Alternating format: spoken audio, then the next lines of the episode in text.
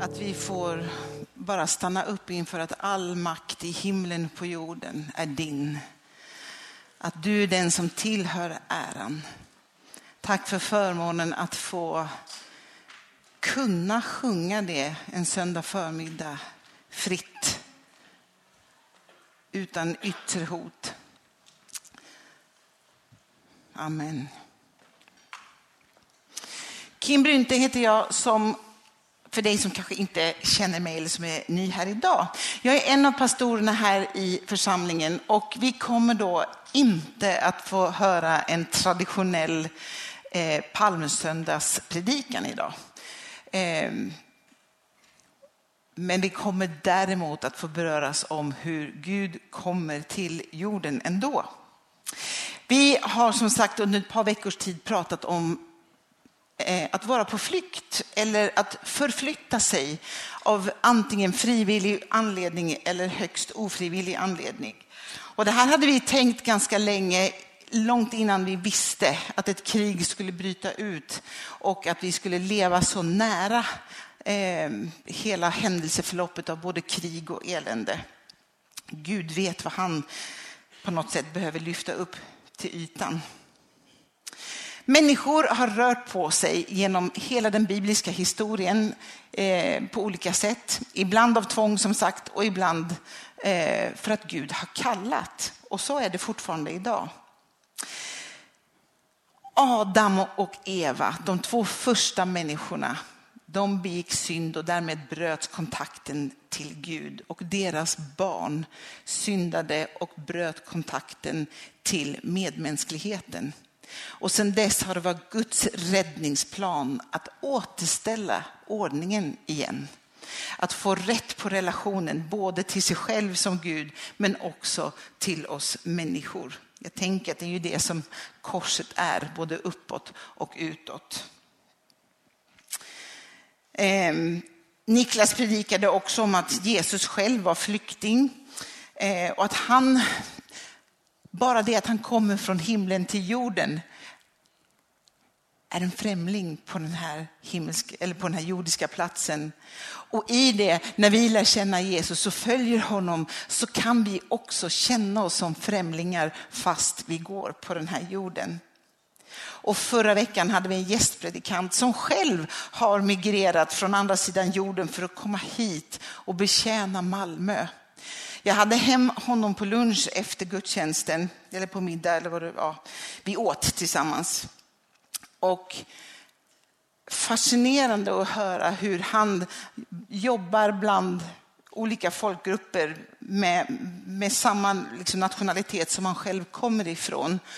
Och hur han samlar 200 till 300 människor. Och jag bara, varför var inte vi där? Och så säger han, Kim, de har till och med bett mig att 10-17 december att vi ska göra en fest. Och jag vet ju att ni har en stor högtid då. Kan inte ni berätta lite om den? Ska vi samarbeta Kim? frågar han. Gud, gör du något? Vi, vi kan inte säga nej till det och jag kommer återkomma till det. Ehm, och idag ska jag prata lite mer om vi på hemmaplan, integrationsdelen av det.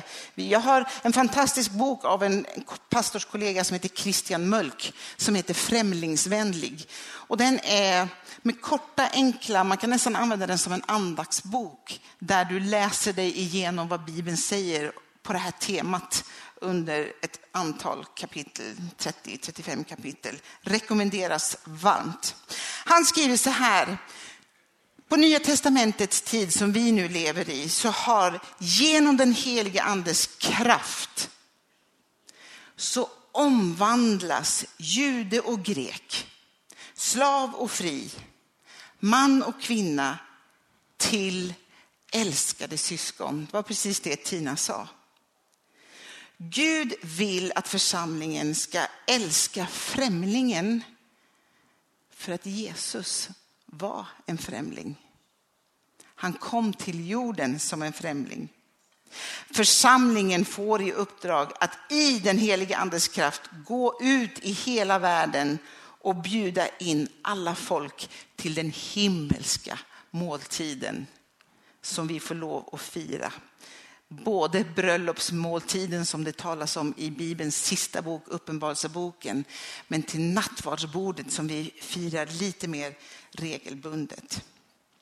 Det här begreppet, varken jude eller grek, ett gammaltestamentligt begrepp eh, som, som innebar att man utifrån Mose lag skulle behandla främlingen med, på vissa sätt.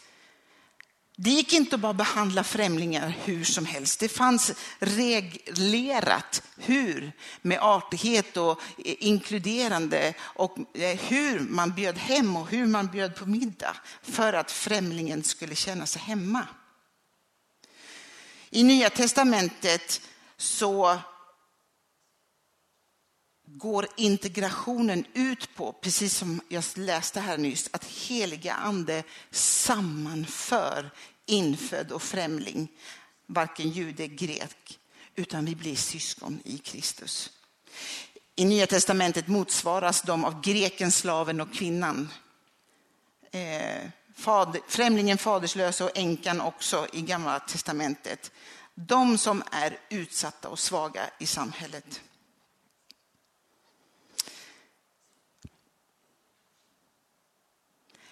Gud har från liksom, tidigt i Bibeln varit ganska tydlig med att det finns ett uppdrag som både vänds inåt men som också vänds utåt. Att behandla främlingen inom våra gränser så som oss själva.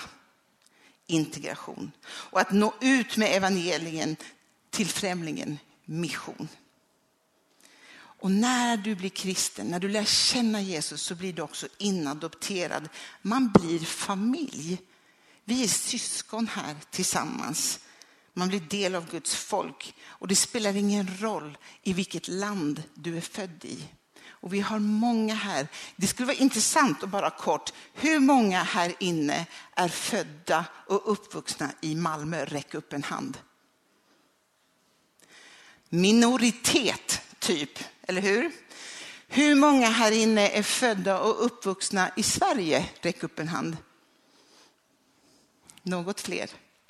Hur många är födda i ett annat land än Sverige? Ja, spännande.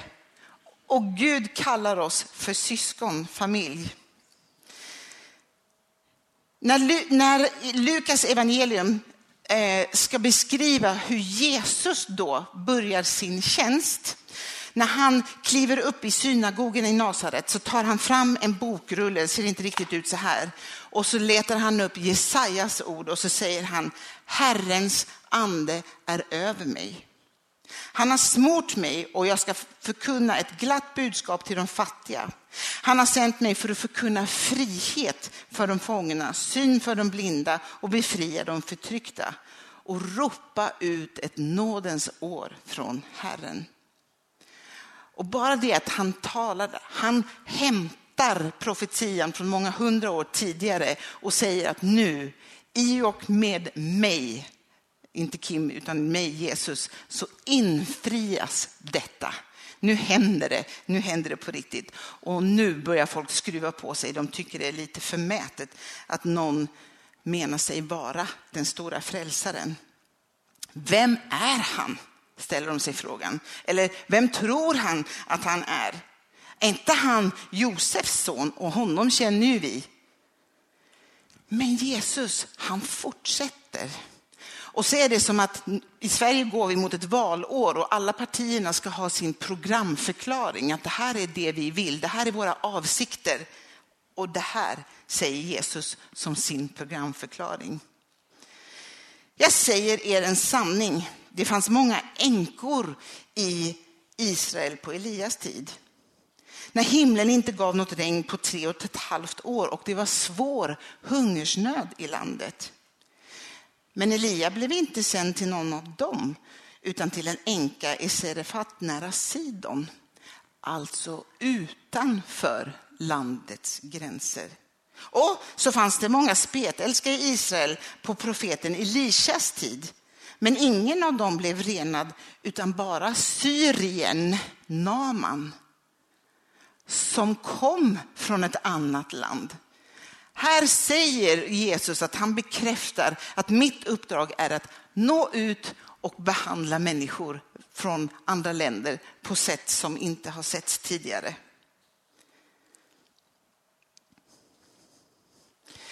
Om du har läst Bibeln så vet du att en Naman har en slavflicka som genom henne så får höra talas om Elisha och som sen blir botad från spetälska.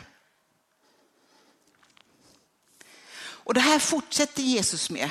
Han liksom sträcker sig ut och längre och förbi det som de var vana vid. Bara det när han väljer tolv lärjungar. Då väljer inte han dem på deras CV eller vilka meriter de har. Utan bland de tolv så finns det också en tullindrivare och så finns det en selot. En tullindrivare var otroligt föraktad och såg som förrädare eftersom de arbetade för romerska riket och de fifflade en hel del. De ansågs inte okej. Okay. Seloter var också fruktade för de hade ett militant synsätt. De ville störta romarriket och gärna med mycket våld. Och då väljer Jesus en av varje att vara i den närmaste liksom, truppen. Och utöver de här tolv så står det faktiskt också ett helt gäng kvinnor omnämnda. Det är Maria från Magdala, det är Johanna, hustru till Herodes, det är Kusa, Susanna och många andra kvinnor, står det. Så han, i sitt sätt att vara, sträcker sig förbi, sträcker sig utanför, men också inkluderar nära sig människor som man inte har inkluderat tidigare. Men så kommer den här dagen Jesus har varit verksam en tid. Och vi läser i Markus 11 när Jesus rensar templet. Då står det så här. När de kom fram till Jerusalem så gick han in i templet och drev ut köpmännen och deras kunder. Han välte omkull borden för de som växlade pengar och stånden för de som sålde druvor. Och han stoppade alla som försökte bära varor över tempelplatsen. Sen undervisar han dem och så säger han, står det inte? Och nu citerar han en profet från ett par hundra år tidigare igen. Mitt hus ska vara ett bönens hus för alla folk. Mitt hus ska vara ett bönens hus för alla folk. Men ni har gjort det till något annat. Och det här togs inte emot med blida ögon. Nu sattes planer igång på att den där Jesus, honom kan vi inte ha kvar här. Han stör ordningen alldeles för mycket. Står det inte skrivet, mitt hus ska vara ett bönens folk, och så tänker jag, ni som var här när vi hade eh, gudstjänstserien om Mose tabernakel, det flyttbara templet och i den första förgården som ibland kallas hedningarnas gård. Det talar om för oss att i Guds hjärta så vill han ha hedningarna nära. Inkluderat i förgården, inte utanför. Det här har varit Guds hjärta och Guds plan hela tiden. Galaterbrevet så står det så här, alla är ni genom Guds eh, alla är ni genom tron Guds barn i Kristus. Därför är det ingen längre jude eller grek, slav eller fri, man eller kvinna. Alla är ni ett i Kristus. Om ni är döpta in i Kristus, då har ni iklätt er Kristus. Om ni nu tillhör Kristus, då är ni också Abrahams avkomlingar. Tillbaka till allra första början av bibliska berättelsen igen. Det är där liksom, han knyter ihop liksom alltihopa Jesus och Paulus är det som skriver här. Kolosserbrevet igen, då spelar det ingen roll om man är man Eh, om man är man, om man, man är grek eller jude, omskuren eller inte, utlänning, slav eller fri. Nej, Kristus är allt och i alla. Ni är Guds utvalda, heliga och älskade. Klä er därför i innerlig medkänsla, godhet, ödmjukhet, mildhet och tålamod. Det behöver vi för att kunna hantera varandra. Och så står det också så här. Må Gud, han som ger uthållighet och tröstar, hjälpa er att leva eniga med varandra i enighet med Kristus. Då kan ni alla tillsammans hylla vår Herre Jesus Kristus, vår Gud och Far. Eller som det också står i en annan översättning, tillbe tillsammans med en mun.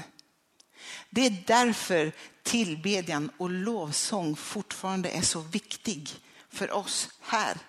För det är samlande, det är enande. Att vi, spelar ingen roll vilken kultur vi kommer ifrån, vilket land vi är födda i, vilken hårfärg vi har, vilken social status eller rangordning vi lever i.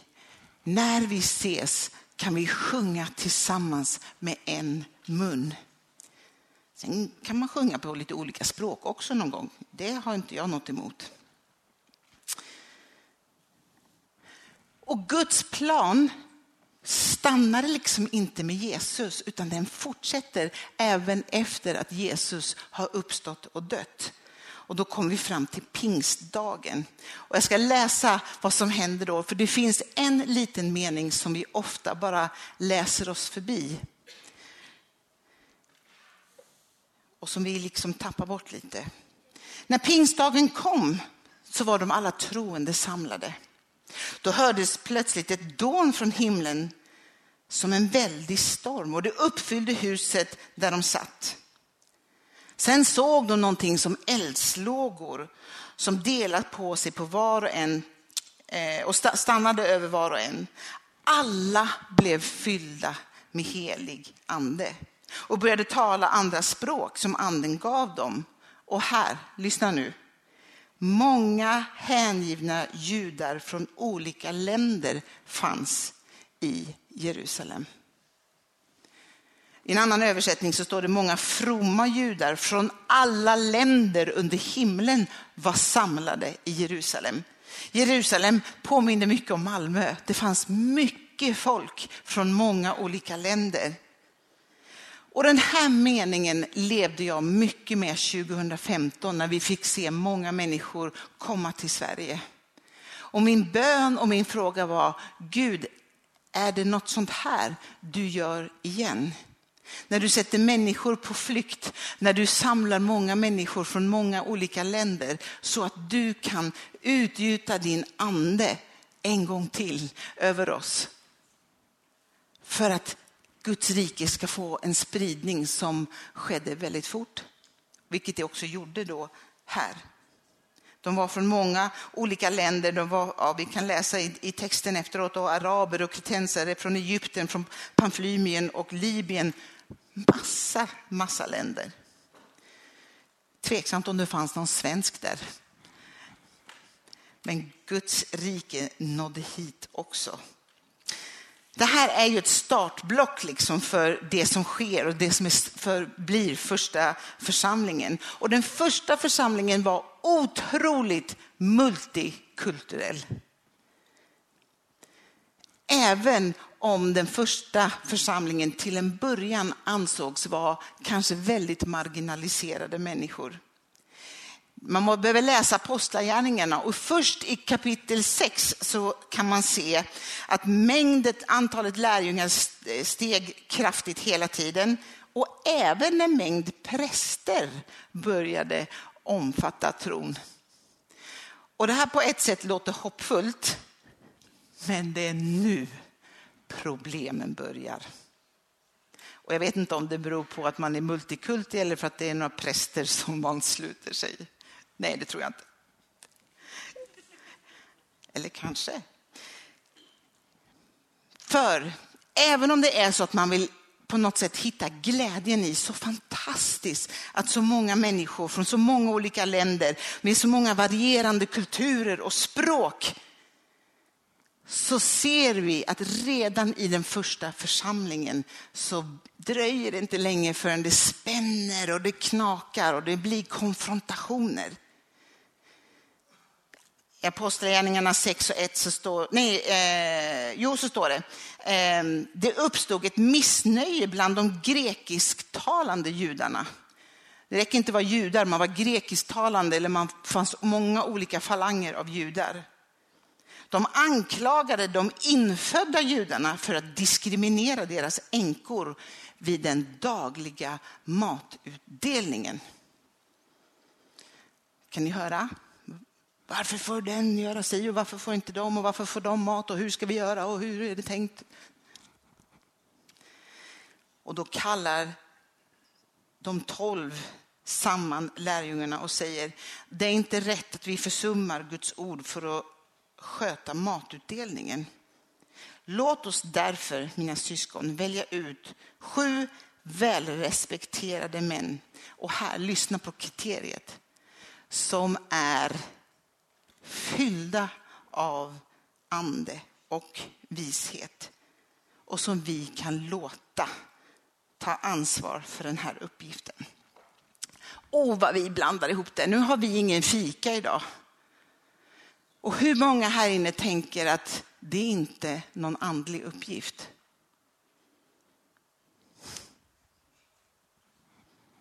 Vi har precis läst att de som valdes till den uppgiften skulle vara både fyllda med ande och med vishet. Är det det som fattas oss kanske? För att vi inte lyckas få till fika idag. Nu blir jag lite jobbig. Och så väljer de ut Stefanos och ett par gäng till. Och även om de är uppfyllda av heligande så lägger man händer på dem och ber för dem och avskiljer dem, ger dem kraft för att klara av uppgiften. Och på ett sätt så är det, nu vet jag att jag är jobbig och jag kan vara lite provocerande, men jag finner också lite tröst i de här verserna. För det är lite skönt att om det inte var lätt då så finns det i alla fall någon som känner igen att det är inte så lätt nu heller.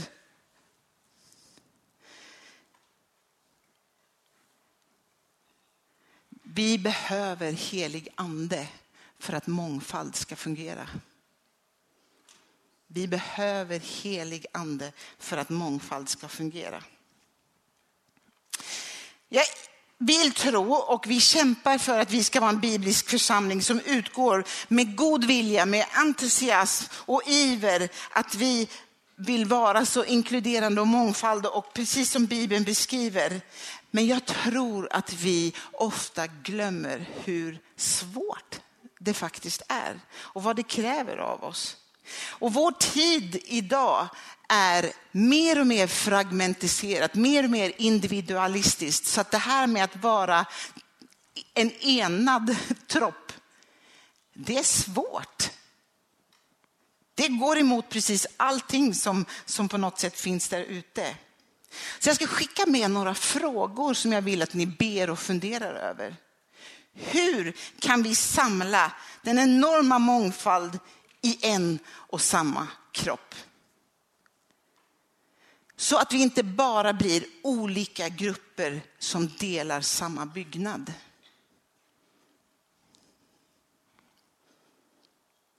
Niklas han sa när han predikade, tror jag, som Kim och hennes alfa.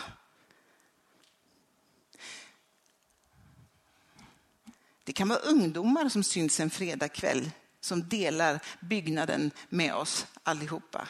Det kan vara språkgrupper, det kan vara intressegrupper. Så det, det, finns många olika sätt att, att vara det här på. Hur kan vi berika och betjäna varandra så att vi alla tillsammans kan bli förvandlade i och genom heligande?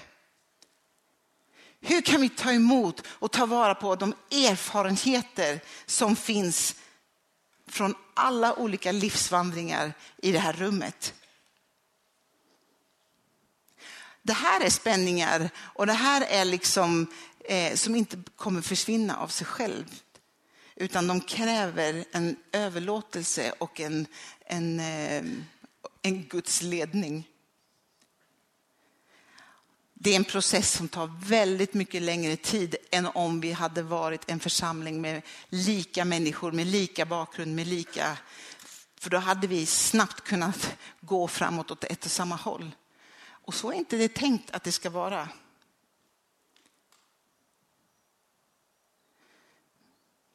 Igår var jag här i kyrkan på en processdag för att prata om eh, samkönade relationer och vårt samfunds förhållande till det. Och en grej som jag verkligen tog vara på, det var ett pass som handlade om trohet. En, eh, trohet och trofasthet. Och som kristen gemenskap så innebär Jesu efterföljelse att vi blir lika Gud. Alltså trofasta, trogna. Vi människor har en benägenhet att gång på gång svika eller överge. Eh, men Gud står kvar. Han är trofast, det sjunger vi sånger om. Han visar trohet och trohet skapar tillit. Tillit ger utrymme för en brusten gemenskap. Jag ska ta det igen. Trohet skapar tillit och tillit ger utrymme för en brusten gemenskap. Jag tror att trohet kräver både nåd och förlåtelse men också arbete, precis som i vilka relationer som helst. Och jag tänker att det är ytterligare en dimension på varför Gud kallar församlingen som sin blivande brud. Och han är brudgummen i vilken han visar trohet. På morgonen idag fick jag ändra en siffra i mitt papper. I Malmö finns det idag 12 afrikanska församlingar. Sug på det lite. Det finns 12 afrikanska församlingar. Och det är både jättefantastiskt och samtidigt som det skaver ordentligt i mig. För vad är det som gör, och nu väljer jag att använda ett slarvigt uttryck, vad är det som gör att de väljer att vara med sina egna i Malmö, i Sverige? Eller vad är det som gör att de inte ens hittar till oss? Om vi nu skulle släppa in dem. Jag hårdrar det här lite grann, för jag vill ställa det på sin spets. Det var inte så länge sedan vi själva hade en grupp farsitalande som valde att lämna för att vi hade olika visioner. De ville vara farsi-församling för farsi och som kunna liksom betjäna bara farsi. Medan Immanuels kyrka vill vara en församling där vi är en mångfaldsförsamling.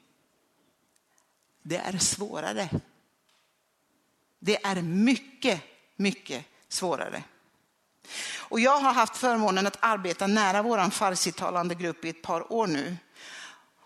Och ibland är det jättefrustrerande.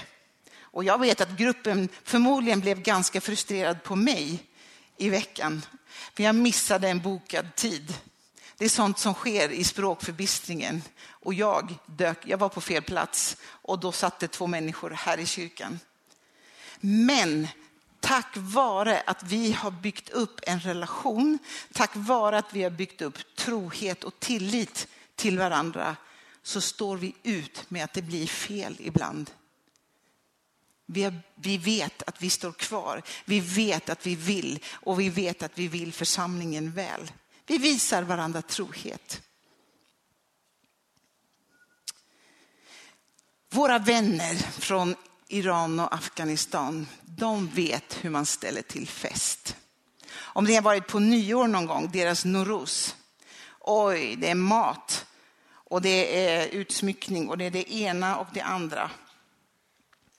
Man firar allt som kan firas. Det är uppehållstillstånd och det är födelsedagar och det är cake och det är chokladaskar och det är mycket som jag tänker att vi skulle behöva lära oss av, smitta ner oss lite av.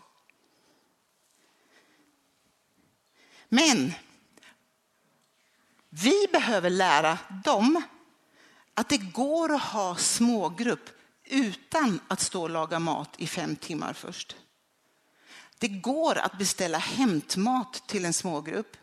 Det går att äta korv och bröd en dag i veckan när man har smågrupp. Det går att också samlas till gemenskap i all enkelhet. Några skrattar här lite för ni känner igen vad jag säger, eller hur? Ehm, och jag har stor kärlek så jag vet att jag kan säga det här med, med kärlek till er. Iranierna och afghanerna är fenomenala på att bjuda med sig vänner till kyrkan, till Alfa. I torsdags, det är, så här, det är alltid 20-22 anmälda, men jag tror vi var 27 i, i eh, torsdags det bara dyker upp folk och de bara hör att nu är alfa igång igen och så sluter man till och några som har gjort alfa många gånger, de, ja, men jag hoppar in i disken och, jag, och så bara fungerar det. Och jag försöker bygga team. Jag vill ha ett teknikteam och jag vill ha ett matlagningsteam och så vill jag ha ett dukningsteam. Det, nej, nej, det funkar inte. Det funkar inte.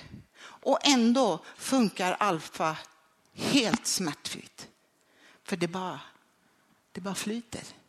Och vad är det som säger att den svenska demokratiska ordningen ska vara det rätta?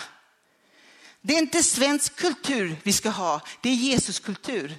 Det är Guds rikes kultur och ibland gäller det att vi också bara slappnar av lite från våran ordning och våra, eller hur? Ja, de många nickar här borta. Jag ser.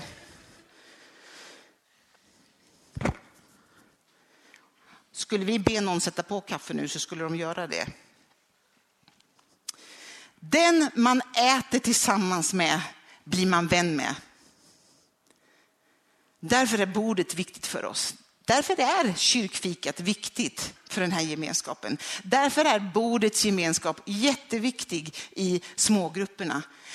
Det är också för att man sitter ner, man blir jämbördig, man hinner prata. Hur mår du? Hur har du det? Det finns tid att reda ut lite språkförbistringar.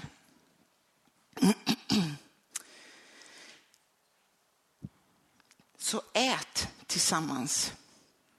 Ibland tänker jag att vi tänker bakvänt. Varför syns det inte i lovsången att vi har fler från Iran och Afghanistan? Varför syns det inte i styrelsen? Varför syns det inte i alla våra kommittéer? För det är inget kommittéfolk. Så enkelt. Vi har en demokratisk ordning som vi har ärvt i hur vi gör saker i Sverige. Kanske är det dags att hitta andra sätt. Ja, jag vet inte, jag brottas med de här frågorna och ni får hjälpa mig att hitta rätt i det. Hur gör vi? Hur gör vi? Jag tror att det börjar med fikaborden. Att bjuda hem varandra, att äta och lära känna varandra.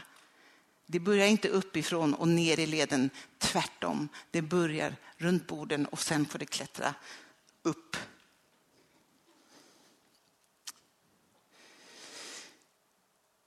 Jeremia, profeten i Gamla testamentet, han säger också så här. Det ska komma en tid, säger Herren, då jag ingår ett nytt förbund med Israels och Judas folk. Inte ett sådant förbund som jag ingick med deras förfäder när jag tog dem vid handen och förde ut dem i Egypten. Det förbund med mig som de bröt, trots att jag var deras herre, säger Herren. Nej, detta detta är det förbund jag ska ingå med Israels folk efter de där dagarna, säger Herren. Jag ska lägga min lag i deras inre och skriva den i deras hjärtan. Jag ska vara deras Gud och de ska alla vara mitt folk. Moses lagtavlor på stenar utanför. Den nya ordningen blir lagen i våra hjärtan. Den får flytta in. Då ska de inte längre behöva undervisa varandra och säga lär känna Herren, för då ska alla känna mig. Då ska alla känna mig. Från den minste till den största bland dem. Jag ska förlåta dem deras ondska och jag ska aldrig mer komma ihåg deras synder. Och Hesekiel säger något liknande, jag ska ge dem ett nytt hjärta och låta er få en ny ande. Gud gav den heliga ande och det är det som är den nya ordningen. En förutsättning för att alla folk, judar, hedningar, infödda främlingar ska kunna förenas och bli ett nytt folk. Och jag tror att utan helig ande är det omöjligt att behaga Gud. Och med den helige ande så är ingenting omöjligt. Ju mer uppfylld av helig ande vi blir, desto mer ser du den du har bredvid dig som ett älskat syskon. På samma sätt som Gud vid skapelsens början spred ut människor genom att till exempel vid Babels torn ge dem olika språk så sände Gud vid den nya skapelsens början ut lärjungarna även efter pingstdagen när han ger dem nya språk. Språkförbistringen i Babel ledde till att människor splittrades. Men på pingstdagen så leder det till motsatsen. Att människor får förenas till en ny gemenskap. Vilken samhörighet. Och en som jobbar väldigt hårt för det, det är Andreas Jensen i SOS Church. Om du inte har varit med på bön för Malmö någon gång, gå dit och bli uppmuntrad och utmanad av alla olika sätt att be för. De här tolv afrikanska församlingarna, jag lovar att hälften av dem är där. Och den här enheten som vi är inne på nu, att vara ett bönens hus där bön, tillbedjan är navet. Det är det första Jesus säger, ett bönens hus av alla folk. Upprätta relation uppåt, upprätta relation utåt. Bönens hus för alla folk. Då är det inte så konstigt att den sista bönen Jesus ber handlar om enhet. Det är som att han lämnar sitt testamente innan han dör. My last will, det här är det som det är viktigt. Och jag tänkte avsluta med att be den. Så jag skulle vilja att ni ställer er upp. Och ni kommer se den på skärmen. Ni behöver inte läsa mer, men jag tänker be den.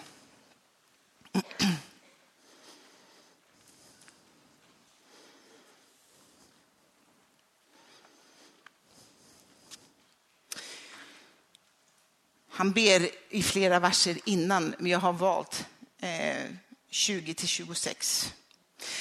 Jag ber inte bara för dem utan också för alla som börjar tro på mig genom deras ord. Jag ber att de alla ska bli ett, så som du Fader är i mig och jag i dig. Låt dem vara i oss så att världen kan tro att du har sänt mig. Den härlighet du gav mig, den har jag gett till dem för att de ska bli ett. Så som vi är ett, jag i dem och du i mig. Så att deras enhet blir fullkomlig.